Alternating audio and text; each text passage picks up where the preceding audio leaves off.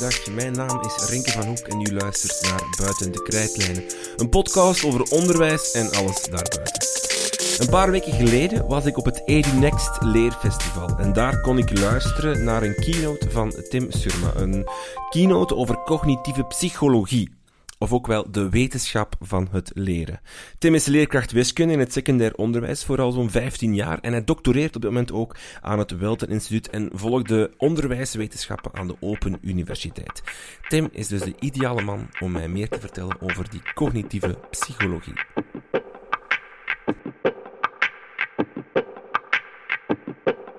Dag Tim Surma, uh, een heel goede uh, middag zullen we maar zeggen. Um, we gaan het hebben over uh, cognitieve psychologie, de, de wetenschap van het leren. Uh, mag ik dat zo samenvatten? Ja, ik denk dat je dat uh, op een goede manier samenvat. misschien eerst even over jou, over jou persoonlijk. Jij bent leerkracht secundair onderwijs die op een dag dacht van ik moet meer weten over de cognitieve psychologie van, van jonge leerlingen? Ja, natuurlijk op zo'n eenvoudige manier uh, gebeurde het niet. Uh, het was iets complexer. Ik denk dat ik een vijftal jaar geleden uh, voor het eerst in aanraking kwam met uh, de wetenschap die achter ons vakgebied zit. ik ben inderdaad, zoals je zegt, al een 15 jaar leraar wiskunde op een school in Sint-Niklaas. Um, en vanuit mijn rol als, uh, als toenmalig graadcoördinator uh, zag ik Martijn Valken aan het werk. Uh, niet onbekend als uh, prof aan de UGent binnen de onderwijskunde. En die, uh, die man vertelde over uh, het werk van John Hattie. Ehm, John Hattie is een, een, een, Nieuw-Zeelandse onderwijskundige die een aantal meta-analyses over onderwijs heeft gemaakt en dat gebundeld heeft in zijn heel erg baanbrekend werk van Visible Learning. En daar bespreekt een aantal effecten die eh, die binnen onderwijs in kaart eh, gebracht zijn. En um, dat was voor mij echt een eye-opener. Ik wist echt niet dat er een wetenschap bestond uh, van ons vakgebied. En daardoor ben ik mij er beginnen in verdiepen. En ben ik in de richting gegaan van een, een, extra opleiding die mij in die cognitieve psychologie onder andere dan heeft ingewijd. Was er ook een soort van uh, vanuit de praktijk een, nood aan om daarover meer te weten? Dat je voelde dat je bij het lesgeven of, of, of in, in dat werkveld uh, een beetje tekort schoot of zo? Of, of, niet goed wist? Ja, ik had, ik had wel de, de, de, de indruk dat, um, dat heel veel uh, van, het, van het werk dat ik deed, of van het lesgeven dat ik verzorgde, dat heel veel van die dingen gebaseerd waren echt op buikgevoel. Um, ik, ik bereidde mijn lessen voor. Ik, ik vond het heel aangenaam om te zien dat bijvoorbeeld mijn leerlingen um, heel actief in mijn les uh, aan de slag waren. Uh, maar soms heb je dan de, frustratie dat je hoort dat uh, een aantal dingen waarvan je zegt van oké, okay, nu kunnen ze het, dat ze dat uiteindelijk toch niet kunnen. Hoe komt dat dan? wat zorgt er dan voor dat het, hetgeen wat ze op een bepaald moment in hun les blijkbaar wel kunnen, dat ze dat binnen een, een paar maanden niet meer kunnen? Of dat je dat van collega's te horen krijgt van zeg, die mannen die kunnen echt geen vergelijkingen oplossen. Eh, terwijl je eigenlijk weet dat je het jaar ervoor er heel veel energie in gestoken hebt. Dus dan, dan zijn er dingen die, ja, die een denkproces in, gang kunnen zetten, bij een soort van zelfreflectieproces. Hoe heb ik het als leraar dan uh, niet goed genoeg aangepakt? Of was mijn tactiek niet oké? Maar dan loop je heel snel vast. Als je dan gaat kijken naar, naar de, de, reflexen die leraren heel vaak hebben, is dat je dan bij elkaar ten rade gaat. Um, dat je dan bijvoorbeeld gaat, uh, op online dingen gaat beginnen zoeken. Maar online staat ook heel veel, uh, laat ons zeggen, onwaarheden over onderwijs en zo. Uh, vandaar dat die, ja, de, laat ons zeggen, verdieping op meer wetenschappelijk gestoeld materiaal heeft bij mij veel inzichten gebracht die ik ervoor niet had. -hmm. Dat, dat buikgevoel uh, waarover over je sprak, ik denk iets heel herkenbaar, ook, ook bij mijzelf. Um, maar het is wel iets dat, dat misschien ook wel soms um, leerkrachten een beetje vasthoudt in hun eigen manier van denken en doen en, en wat, ze, wat, ze al, wat ze nog maar weten of al weten, maar niet daarbuiten durven laten kijken? Ja, nu vooral duidelijkheid, buikgevoel is natuurlijk altijd nog nodig. Ik bedoel, het is niet dat je. Uh, ik, lesgeven op aan zich is geen, is geen wetenschap. Um, dus buikgevoel heb je, heb je zeker in een bepaalde manier nodig. Maar ik vind dat, uh, dat er nog grote kansen zijn binnen onderwijs dat uh, onderwijsprofessionals, leraren op alle niveaus, met andere woorden, um, dat die zich kunnen laten informeren door um, relevante wetenschappelijke takken over bijvoorbeeld hoe mensen leren. Dat is een, uh, en informeren wil zeggen dat je je niet moet laten dicteren uh, daardoor. Het is, niet, het is niet zo dat, je, een leraar gereduceerd moet worden tot een, uh, een, een, pop die exact uh, uitgescripte lessen brengt alsof dat het een, een, mechanistische computer wordt. Dat is absoluut niet de bedoeling. Dus dat buikgevoel is enerzijds absoluut nodig, maar het andere uiterste is volgens mij ook niet oké. Dus als je enkel doet wat je denkt dat goed is, uh, of wat je zo aanvoelt, ik denk dat dat ook iets te mager is. Ik denk dat uh, dat uh, een, schone kans is voor de professionaliteit van ons beroep, waar toch veel om te doen is de laatste tijd. Dat het een, schone kans is dat we, dat, dat we die kan, dat we de, de mogelijkheden die de wetenschap biedt, dat we die ook effectief gebruiken. Ja, jij bent onderwijswetenschappen gaan studeren. Um, is het een studie die je aanraadt aan elke leerkracht om, om niet per se een studie aan te vangen, maar om toch daar dingen rond te lezen, te doen.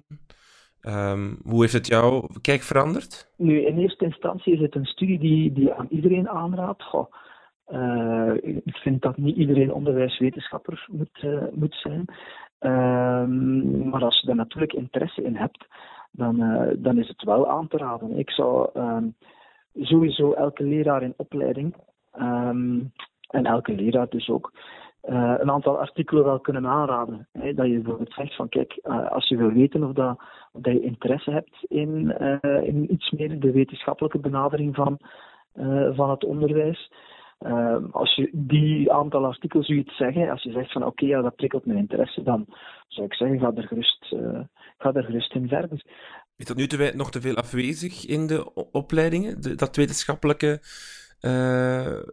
dat dat er nog niet genoeg insteekt? Ja, ik, uh, ik mag natuurlijk, of ik, uh, ik kan niet oordelen over elke lerarenopleiding. Dat is niet het geval. Ik heb vorig jaar een, um, een onderzoek gedaan naar het uh, schriftelijk studiemateriaal van de lerarenopleidingen. Dus dat wil zeggen dat ik van alle Vlaamse en Nederlandse lerarenopleidingen samen met een collega Christel en onder begeleiding van Paul Kirchner en Gino Kamp, heb ik alle um, studieboeken van algemene didactiek en algemene psychologie uh, opgevraagd. En ben ik daar eens gaan kijken naar hoe wetenschappelijk uh, dat op papier uh, daarin staat. Zoals zowel de, de, handboeken als de zelfgeschreven cursussen van, van de leraren.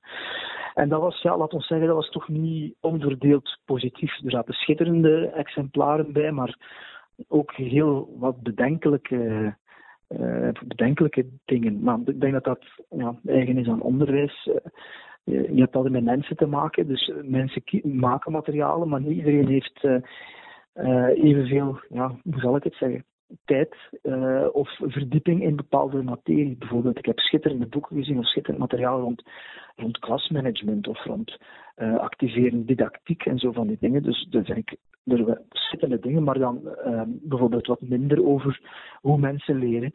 Um, ja, dus ik denk, ik denk dat lerarenopleidingen heel harde inspanningen aan het leveren zijn om wetenschap um, in hun opleiding te krijgen. Maar of het, of het al voldoende is, dat is, een, is moeilijk om daar als uh, buitenstaander iets over te zeggen. Laat ons zeggen dat er nog progressiemarge is. Um, ik zag jou op het Edudex Leerfestival uh, jouw uh, keynote geven rond, rond de wetenschap van het leren.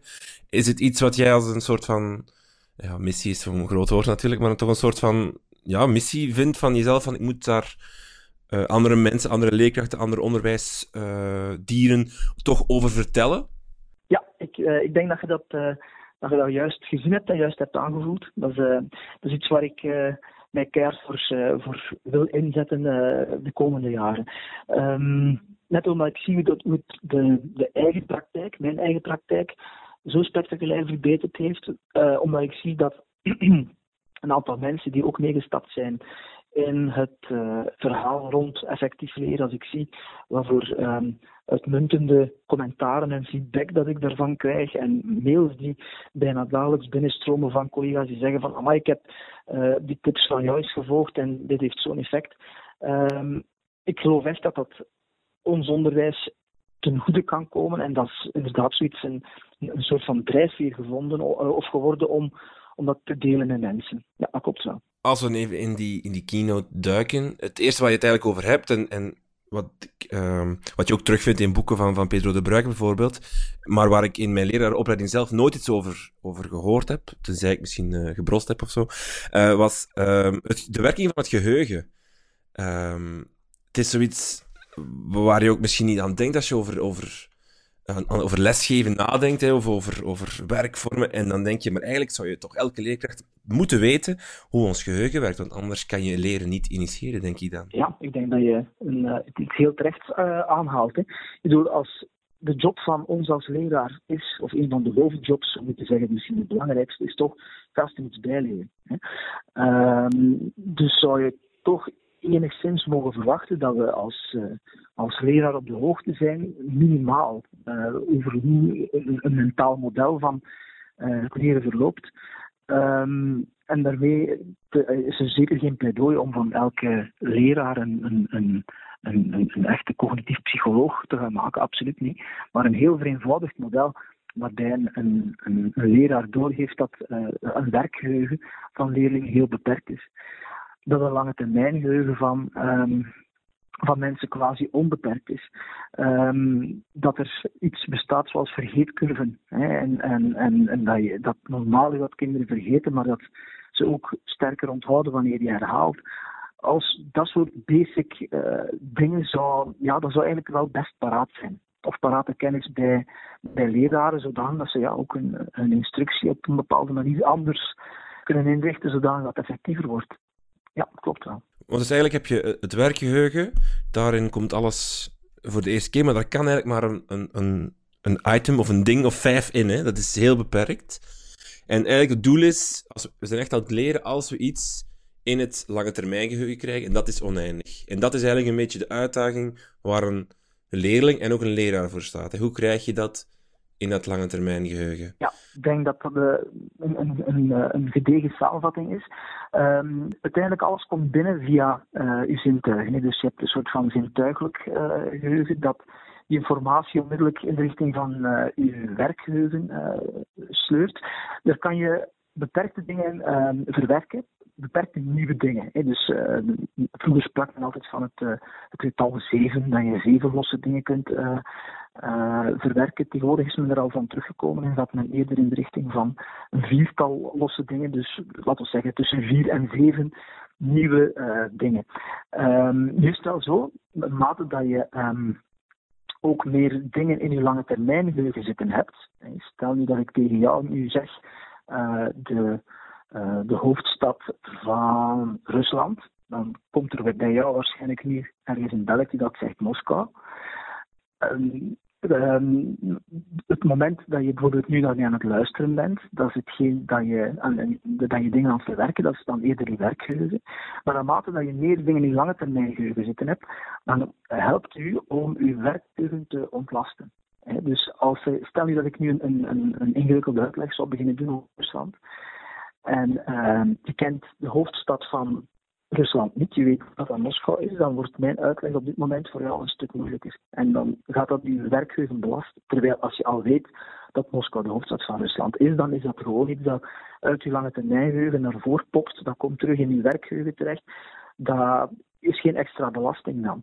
En dat is ook iets, dat is een, een, een ander ding dat leraren ook echt heel goed uh, moeten weten. Dat uh, de aanwezigheid van, uh, van laten we zeggen, ja, kennis in zijn ruimste betekenis in uw lange termijn dat verlicht het denkwerk in je werkgeheugen, zodanig dat je ja, dus meer kunt doen. Hè, dat je dan ook, ook effectief meer kunt gaan leren. Want, ja, over die kennis.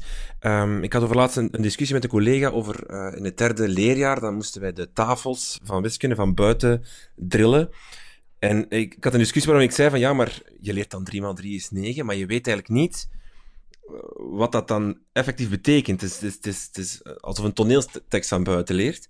Maar wat ik dan, dan dacht ik jouw keynote en daarin onthoud ik dan dat eigenlijk, doordat je dat automatisch weet, dat dat zo in jouw hersenen, in jouw lange termijn gedramd zit, helpt het wel om dan, als je dan een, een rekensom krijgt die veel moeilijker is en waar 3 x 3 maar één aspect van is, bijvoorbeeld, ga, kan je die wel makkelijker bevatten.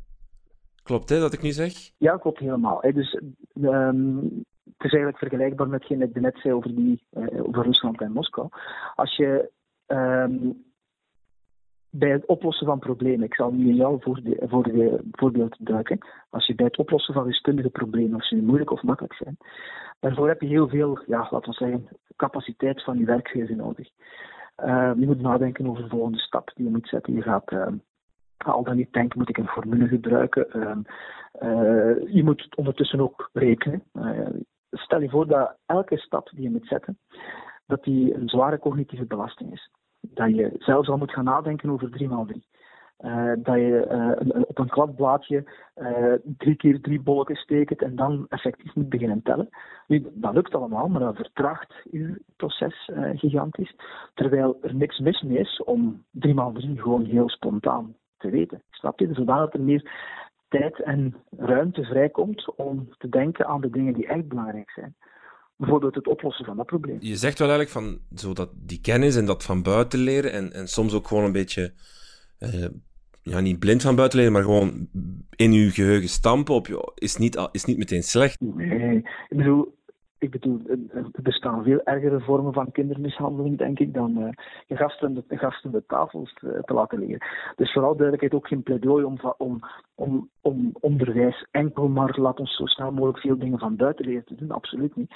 Want je hebt wel een tegenbeweging, hè, die zegt van, ik geef ook geschiedenis, daarin hoor er meer en meer van, god, die data van buiten leren, die koningen van buiten leren, dat is allemaal niet zo belangrijk. Het is eerder belangrijk dat ze inzicht hebben of dat ze uh, vaardigheden hebben. Dat debat, vaardigheden versus kennis.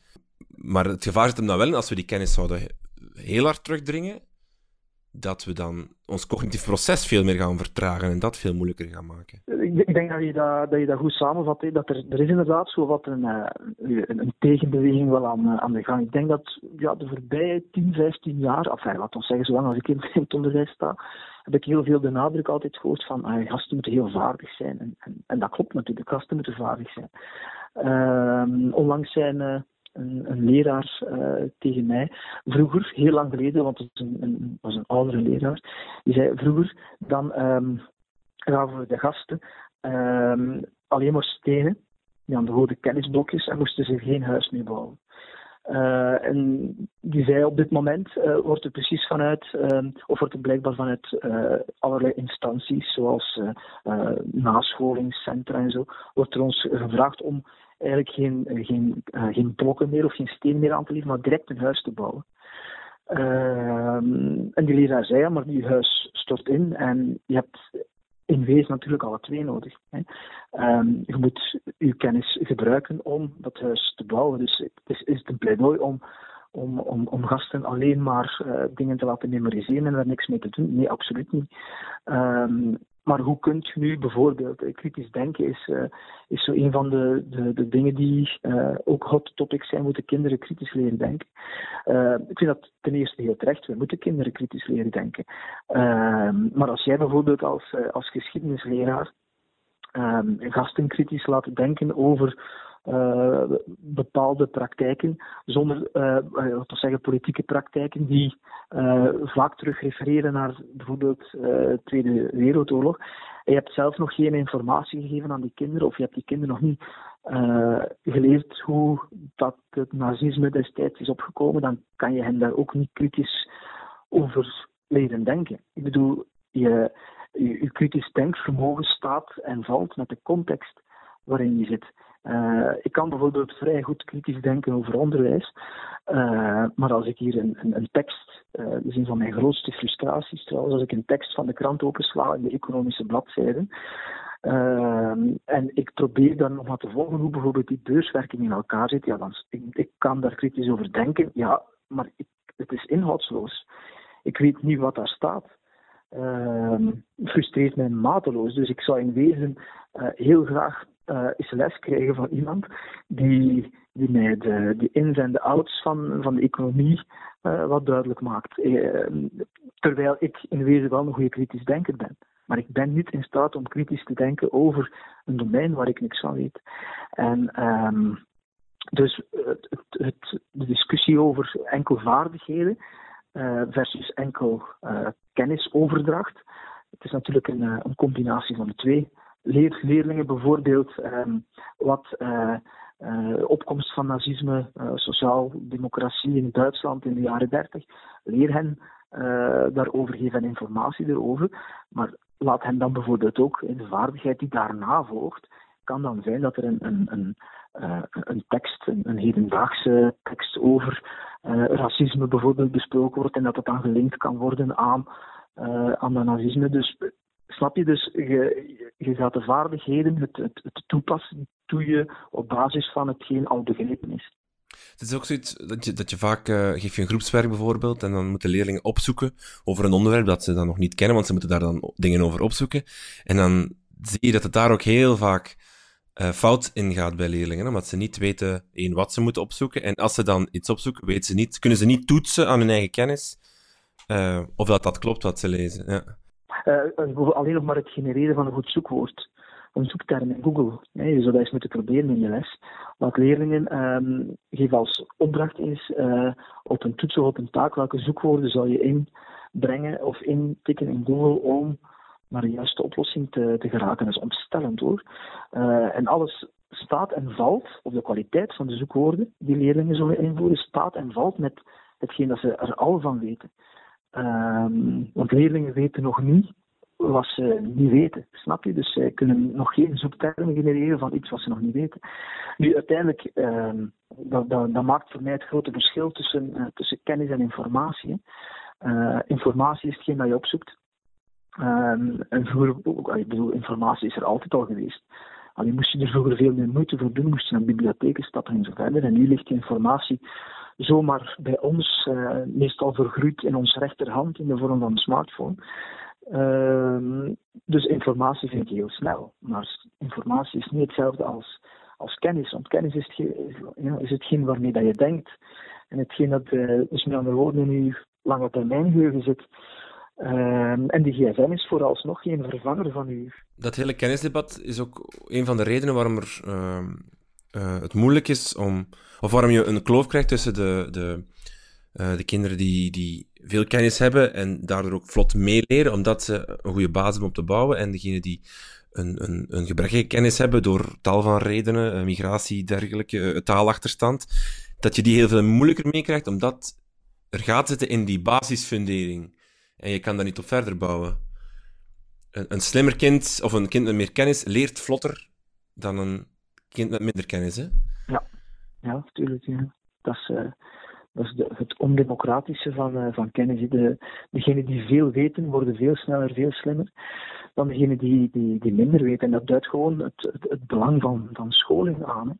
Dus de, de, de scholing of het onderwijs dat we bieden, daar, daar is elke, elke seconde die tikt um, in, of uh, het uurwerk in, in, in een klas, duidt eigenlijk gewoon aan dat dat alleen tikt in het nadeel van gasten die bijvoorbeeld thuis of door hun taalachterstand uh, minder weten of minder uh, krijgen in vergelijking met het, uh, het kind dat, uh, dat wel een heel grote basis heeft. Hè.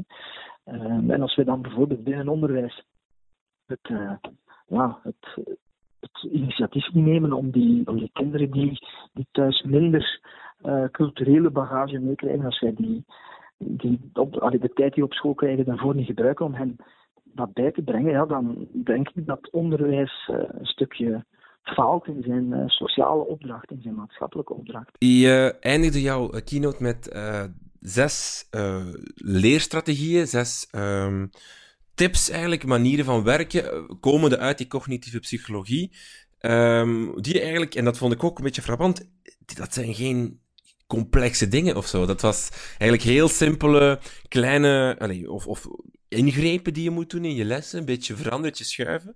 Um, we gaan ze misschien even overlopen. Spaced practice, dat is de eerste. Uh, kan je daar iets over vertellen? Ja, absoluut. Um, ja, je hebt inderdaad gelijk. Dit is geen rocket science. Hè. Dus dit zijn geen uh, zware, ingewikkelde modellen waar je als leraar niks mee kunt. Maar het zijn dikwijls heel um, kleinschalige, spotgoedkope ingrepen waarmee dat je uh, leerrendement massaal kunt verhogen. Dus de eerste was uh, die je net zelf spaced practice.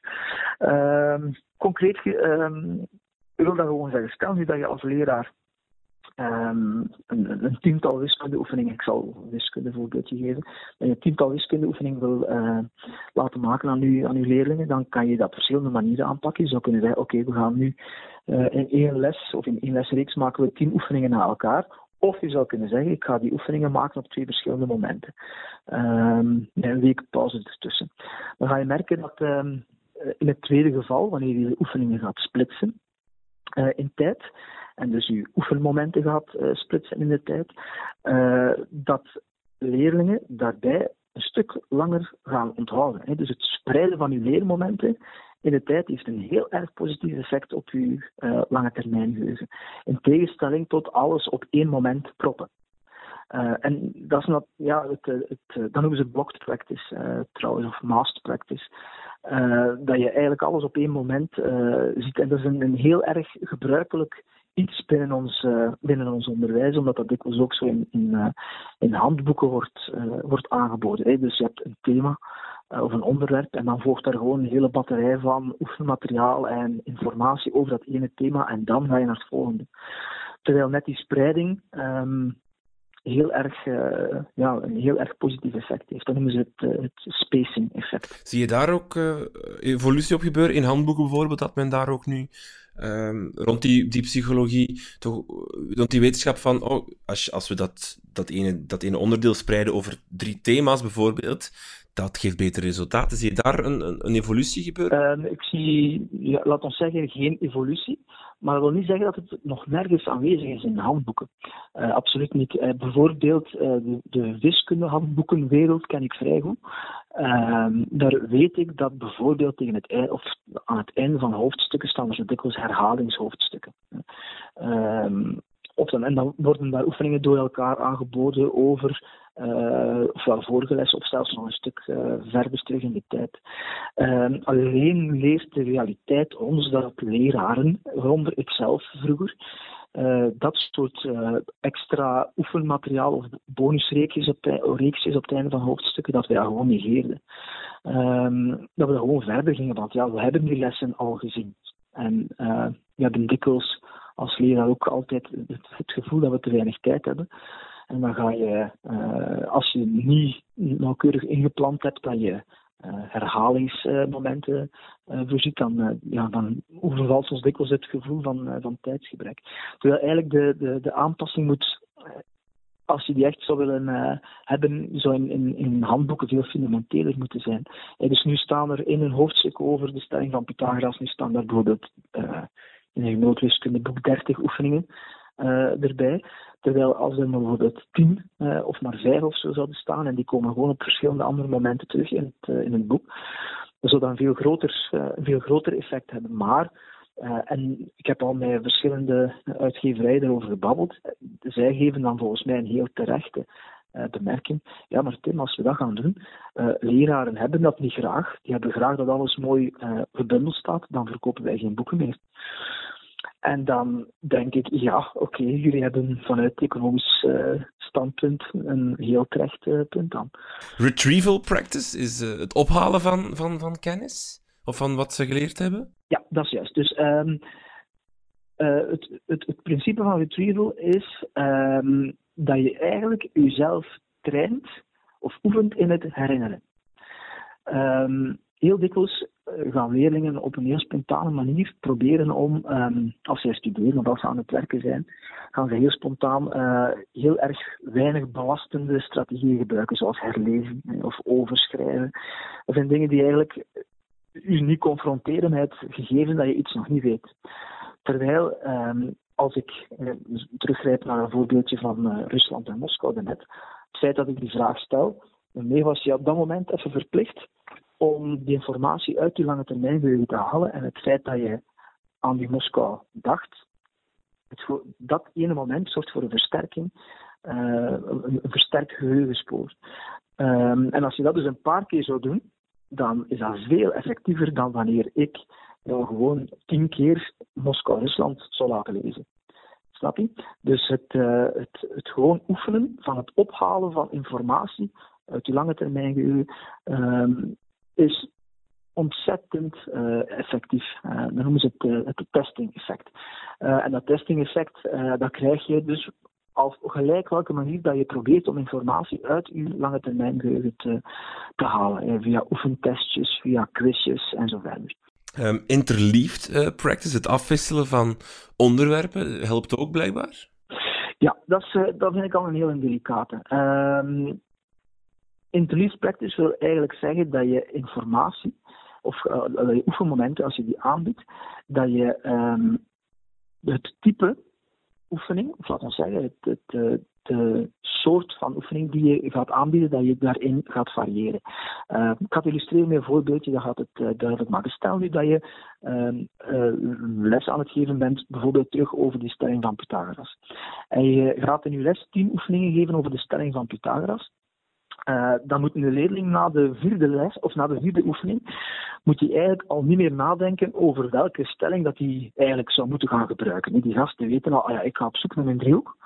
Um, en ik, uh, zal daar ergens een rechthoekige moeten zoeken, zeker. En vanaf dan zijn die vertrokken. Dus ze hebben eigenlijk niet um, diep moeten graven in hun lange termijn geheugen om na te denken over welke welke uh, oplossingsstrategie dat ze moeten gebruiken.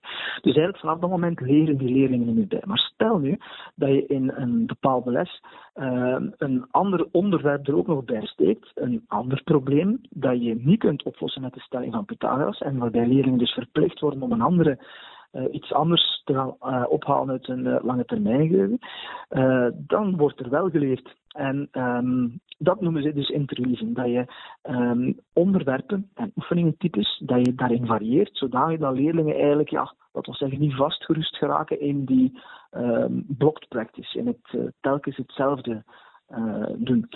Um, werkt het best bij, bij vakken waarbij er ja, natuurlijk moet geoefend worden. Ik denk dat dat veel minder toepasbaar is in vakken waarin chronologie belangrijk is. En dan denk ik bijvoorbeeld aan, uh, aan geschiedenis, vanzelfsprekend, maar ook uh, bepaalde aardrijkskundige onderwerpen.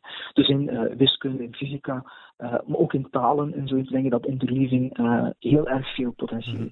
heeft. elaboration, prachtige naam vind ik, maar ja. wat wil het zeggen? ja. Ja, ja, ja elaboratie. Uh, laat ons zeggen, um, ideeën um, uitleggen die beschrijven met, met, met veel details. Uzelf ook, um, wat erbij hoort is het feit dat je ook uh, uzelf vragen stelt. Uh, dat je eigenlijk een soort, je vertraagt je leerproces om, um, om, om, om kennis, om voorkennis te verbinden met nieuwe kennis. Um, in de praktijk zou dat willen zeggen dat je, als je zegt aan leerlingen, uh, je moet iets studeren, dat je zegt van kijk, ik heb hier je handboek niet bij, uh, je, je leest een stuk, uh, een paragraaf bijvoorbeeld, en dan stop, die paragraaf stop je en dan zeg je, dan stel je jezelf vragen, wat is dat hier nu? Uh, waarover gaat het? Hier kan ik dat met mijn eigen woorden samenvatten. Uh, waar er een verklaring voor? Dat vertraagt het leerproces eigenlijk wel, maar dat maakt het bijleren moeilijker en trager. Maar net dat zal ervoor gaan zorgen dat, um, dat leerlingen uh, beter gaan leren, dat dat steviger verankerd wordt. Een soort van zelfreflectie over jouw leren. Ja, ja eigenlijk zo, ja, ja, zo zou je het uh, kunnen, kunnen zeggen. Um, het, het, het, het bijvoorbeeld naar, naar, naar verschillen, naar gelijkenissen. Um, die elaboratie, daar het best wanneer leerlingen al iets weten over dat onderwerp. Um, als je echt nog van niks weet, stel je voor dat ik je een tekst over uh, rocket science geef, dan moet je die paragraaf lezen en jezelf wat, waar, hoe uh, vragen stellen, maar dan ga je er niet, geen antwoord kunnen op geven. Um, dus er moet wel in wezen al iets in het lange termijn geheugen zitten binnen die branche, want anders uh, wordt het gewoon heel erg moeilijk. En dan kan het zijn dat er ook misconcepties ontstaan, hè, dat leerlingen fouten, uh, fouten dingen uh, beantwoorden op hun eigen vragen die ze zich stellen. En dus dat is iets wat ik ook telkens keer benadruk bij leraren, maar ook bij, bij leerlingen, is dat, je zichzelf moet, of dat ze zichzelf moeten controleren op de, op de juistheid van hetgeen ze zelf bedacht hebben Um, je werkt ook best met uitgewerkte voorbeelden. Ja, examples. Dat is, uh, dat is ook een, uh, uh, een belangrijke. Um, een uitgewerkt voorbeeld moet je zien als een soort van verduidelijking van um, het, de, het, het, stappenplan dat een expert heeft versus een beginner. Um, een, een, leerling die bijvoorbeeld absoluut nog geen vergelijkingen kan oplossen. Um, of geen klimatogram kan determineren of geen tijdlijn kan lezen, die heeft eigenlijk nood um, aan de gedachtegang van een expert, en laat ons zeggen, dat is toch de leraar. Um, die moet die verduidelijking kunnen, uh, kunnen geven. Dus eigenlijk er moet een soort van uitleg gegeven worden waarbij elke tussenstap verduidelijkt wordt. Um, veel beter dan gewoon uh, te zitten foefelen uh, aan een probleem en uiteindelijk misschien geen of foute oplossingen te vinden.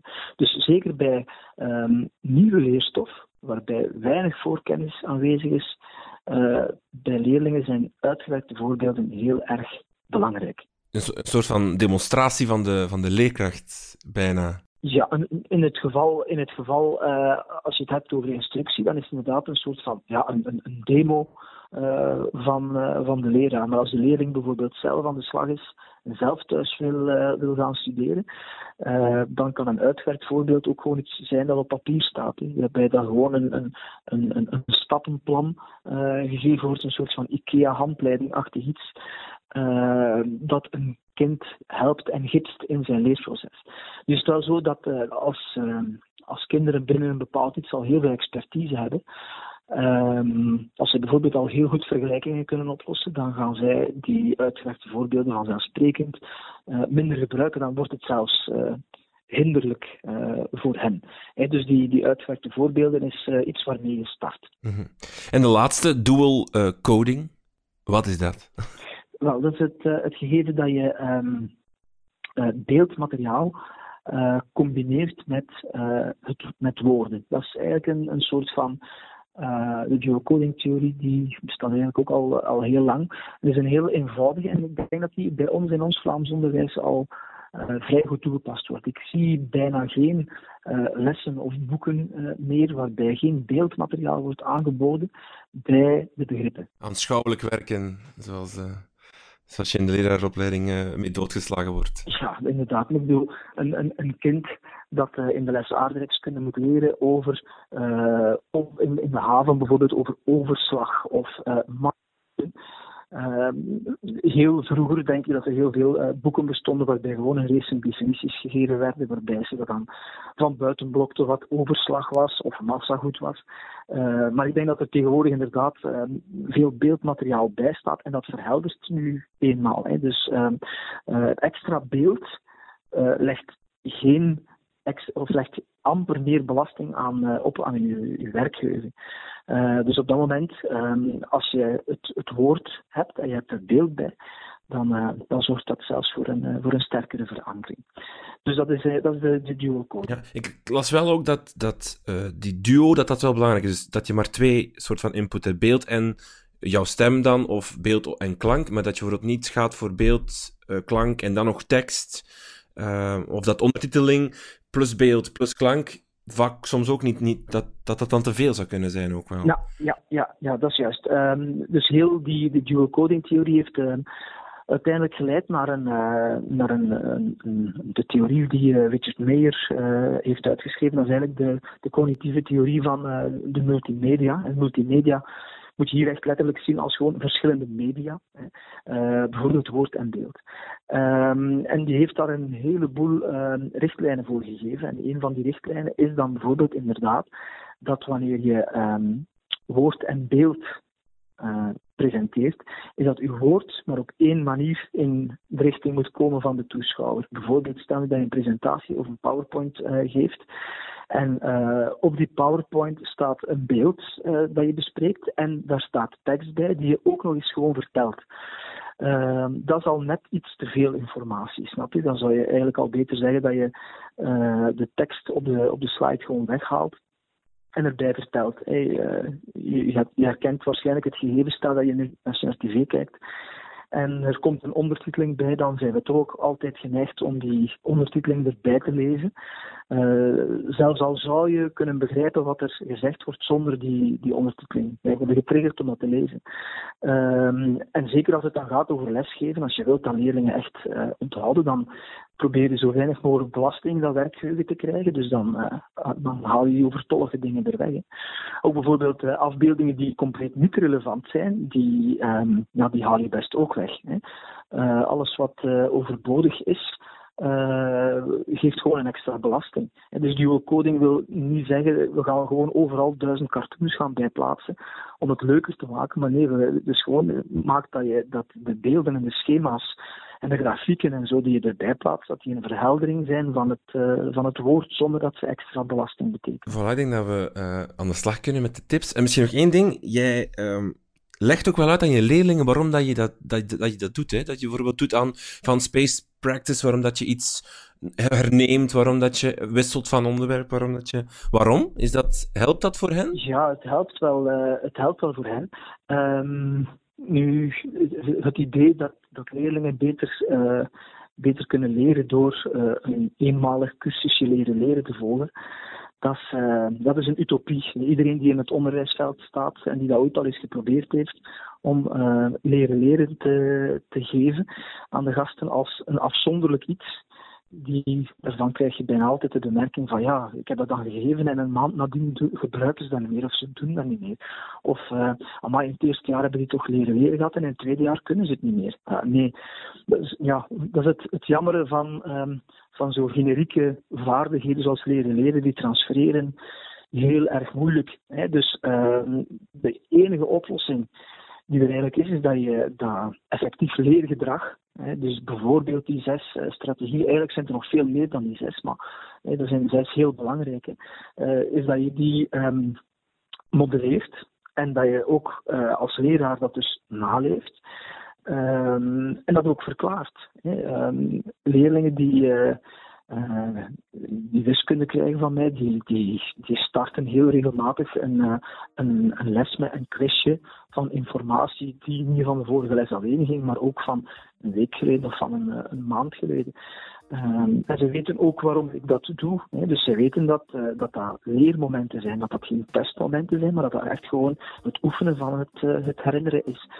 Um, en ja, en, en ik denk dat dat het voor hen ook wel wat aannemelijker maakt dat. Uh, uh, uh, bijvoorbeeld in het geval van, dat, uh, van het toetsen of testen en quizzen, als daar geen, um, geen zwaard van Damocles boven hun hoofd hangt en als ze weten dat dat niet per se bedreigend is, maar dat het gewoon deel uitmaakt van een leerproces, dan doen gasten dat eigenlijk wel best graag. En natuurlijk ook al die, die, die strategieën die kan je toepassen als lesgever. Maar die kunnen leerlingen ook gebruiken in, in als ze leren thuis. Hè. Dat, dat uh, verspreiden van die leermomenten, dat uh, wisselen van onderwerpen, dat ophalen. Als je en dat aanleert in hun les doordat jij het toepast, hoop je misschien ook dat ze het uh, thuis doen. Ja, dat is juist. Dat kan je hopen. Hè. Je bent er natuurlijk nooit zeker van. dus, dus ik denk dat het ook een, een onbegonnen werk is om ervoor te zorgen dat we, of een utopie, dat we denken dat iedereen dat zomaar zou gaan doen. Um, maar je kunt het maar naleven en je kunt maar demonstreren, je kunt maar modelleren, denk ik. Ik denk dat leerlingen kopiëren ook gedrag. Um, dus als zij gewend zijn om heel regelmatig terug te keren naar leerstof, dan wordt het misschien ooit wel een automatisme, stel je voor. En dan zouden leerlingen heel effectieve future-proof learners zijn en zouden zij altijd hun eigen leren in handen kunnen nemen. Dus pas zeggen dat dat misschien een, een mooi levensdoel is om, om er ook bij te krijgen. Uh, Tim, heel veel dank voor die uh, stoomcursus cognitieve uh, psychologie en succes met jouw missie om Vlaanderen, Nederland, Benelux, de wereld hiervan in, in bij te brengen. Dank je wel. heel graag gedaan.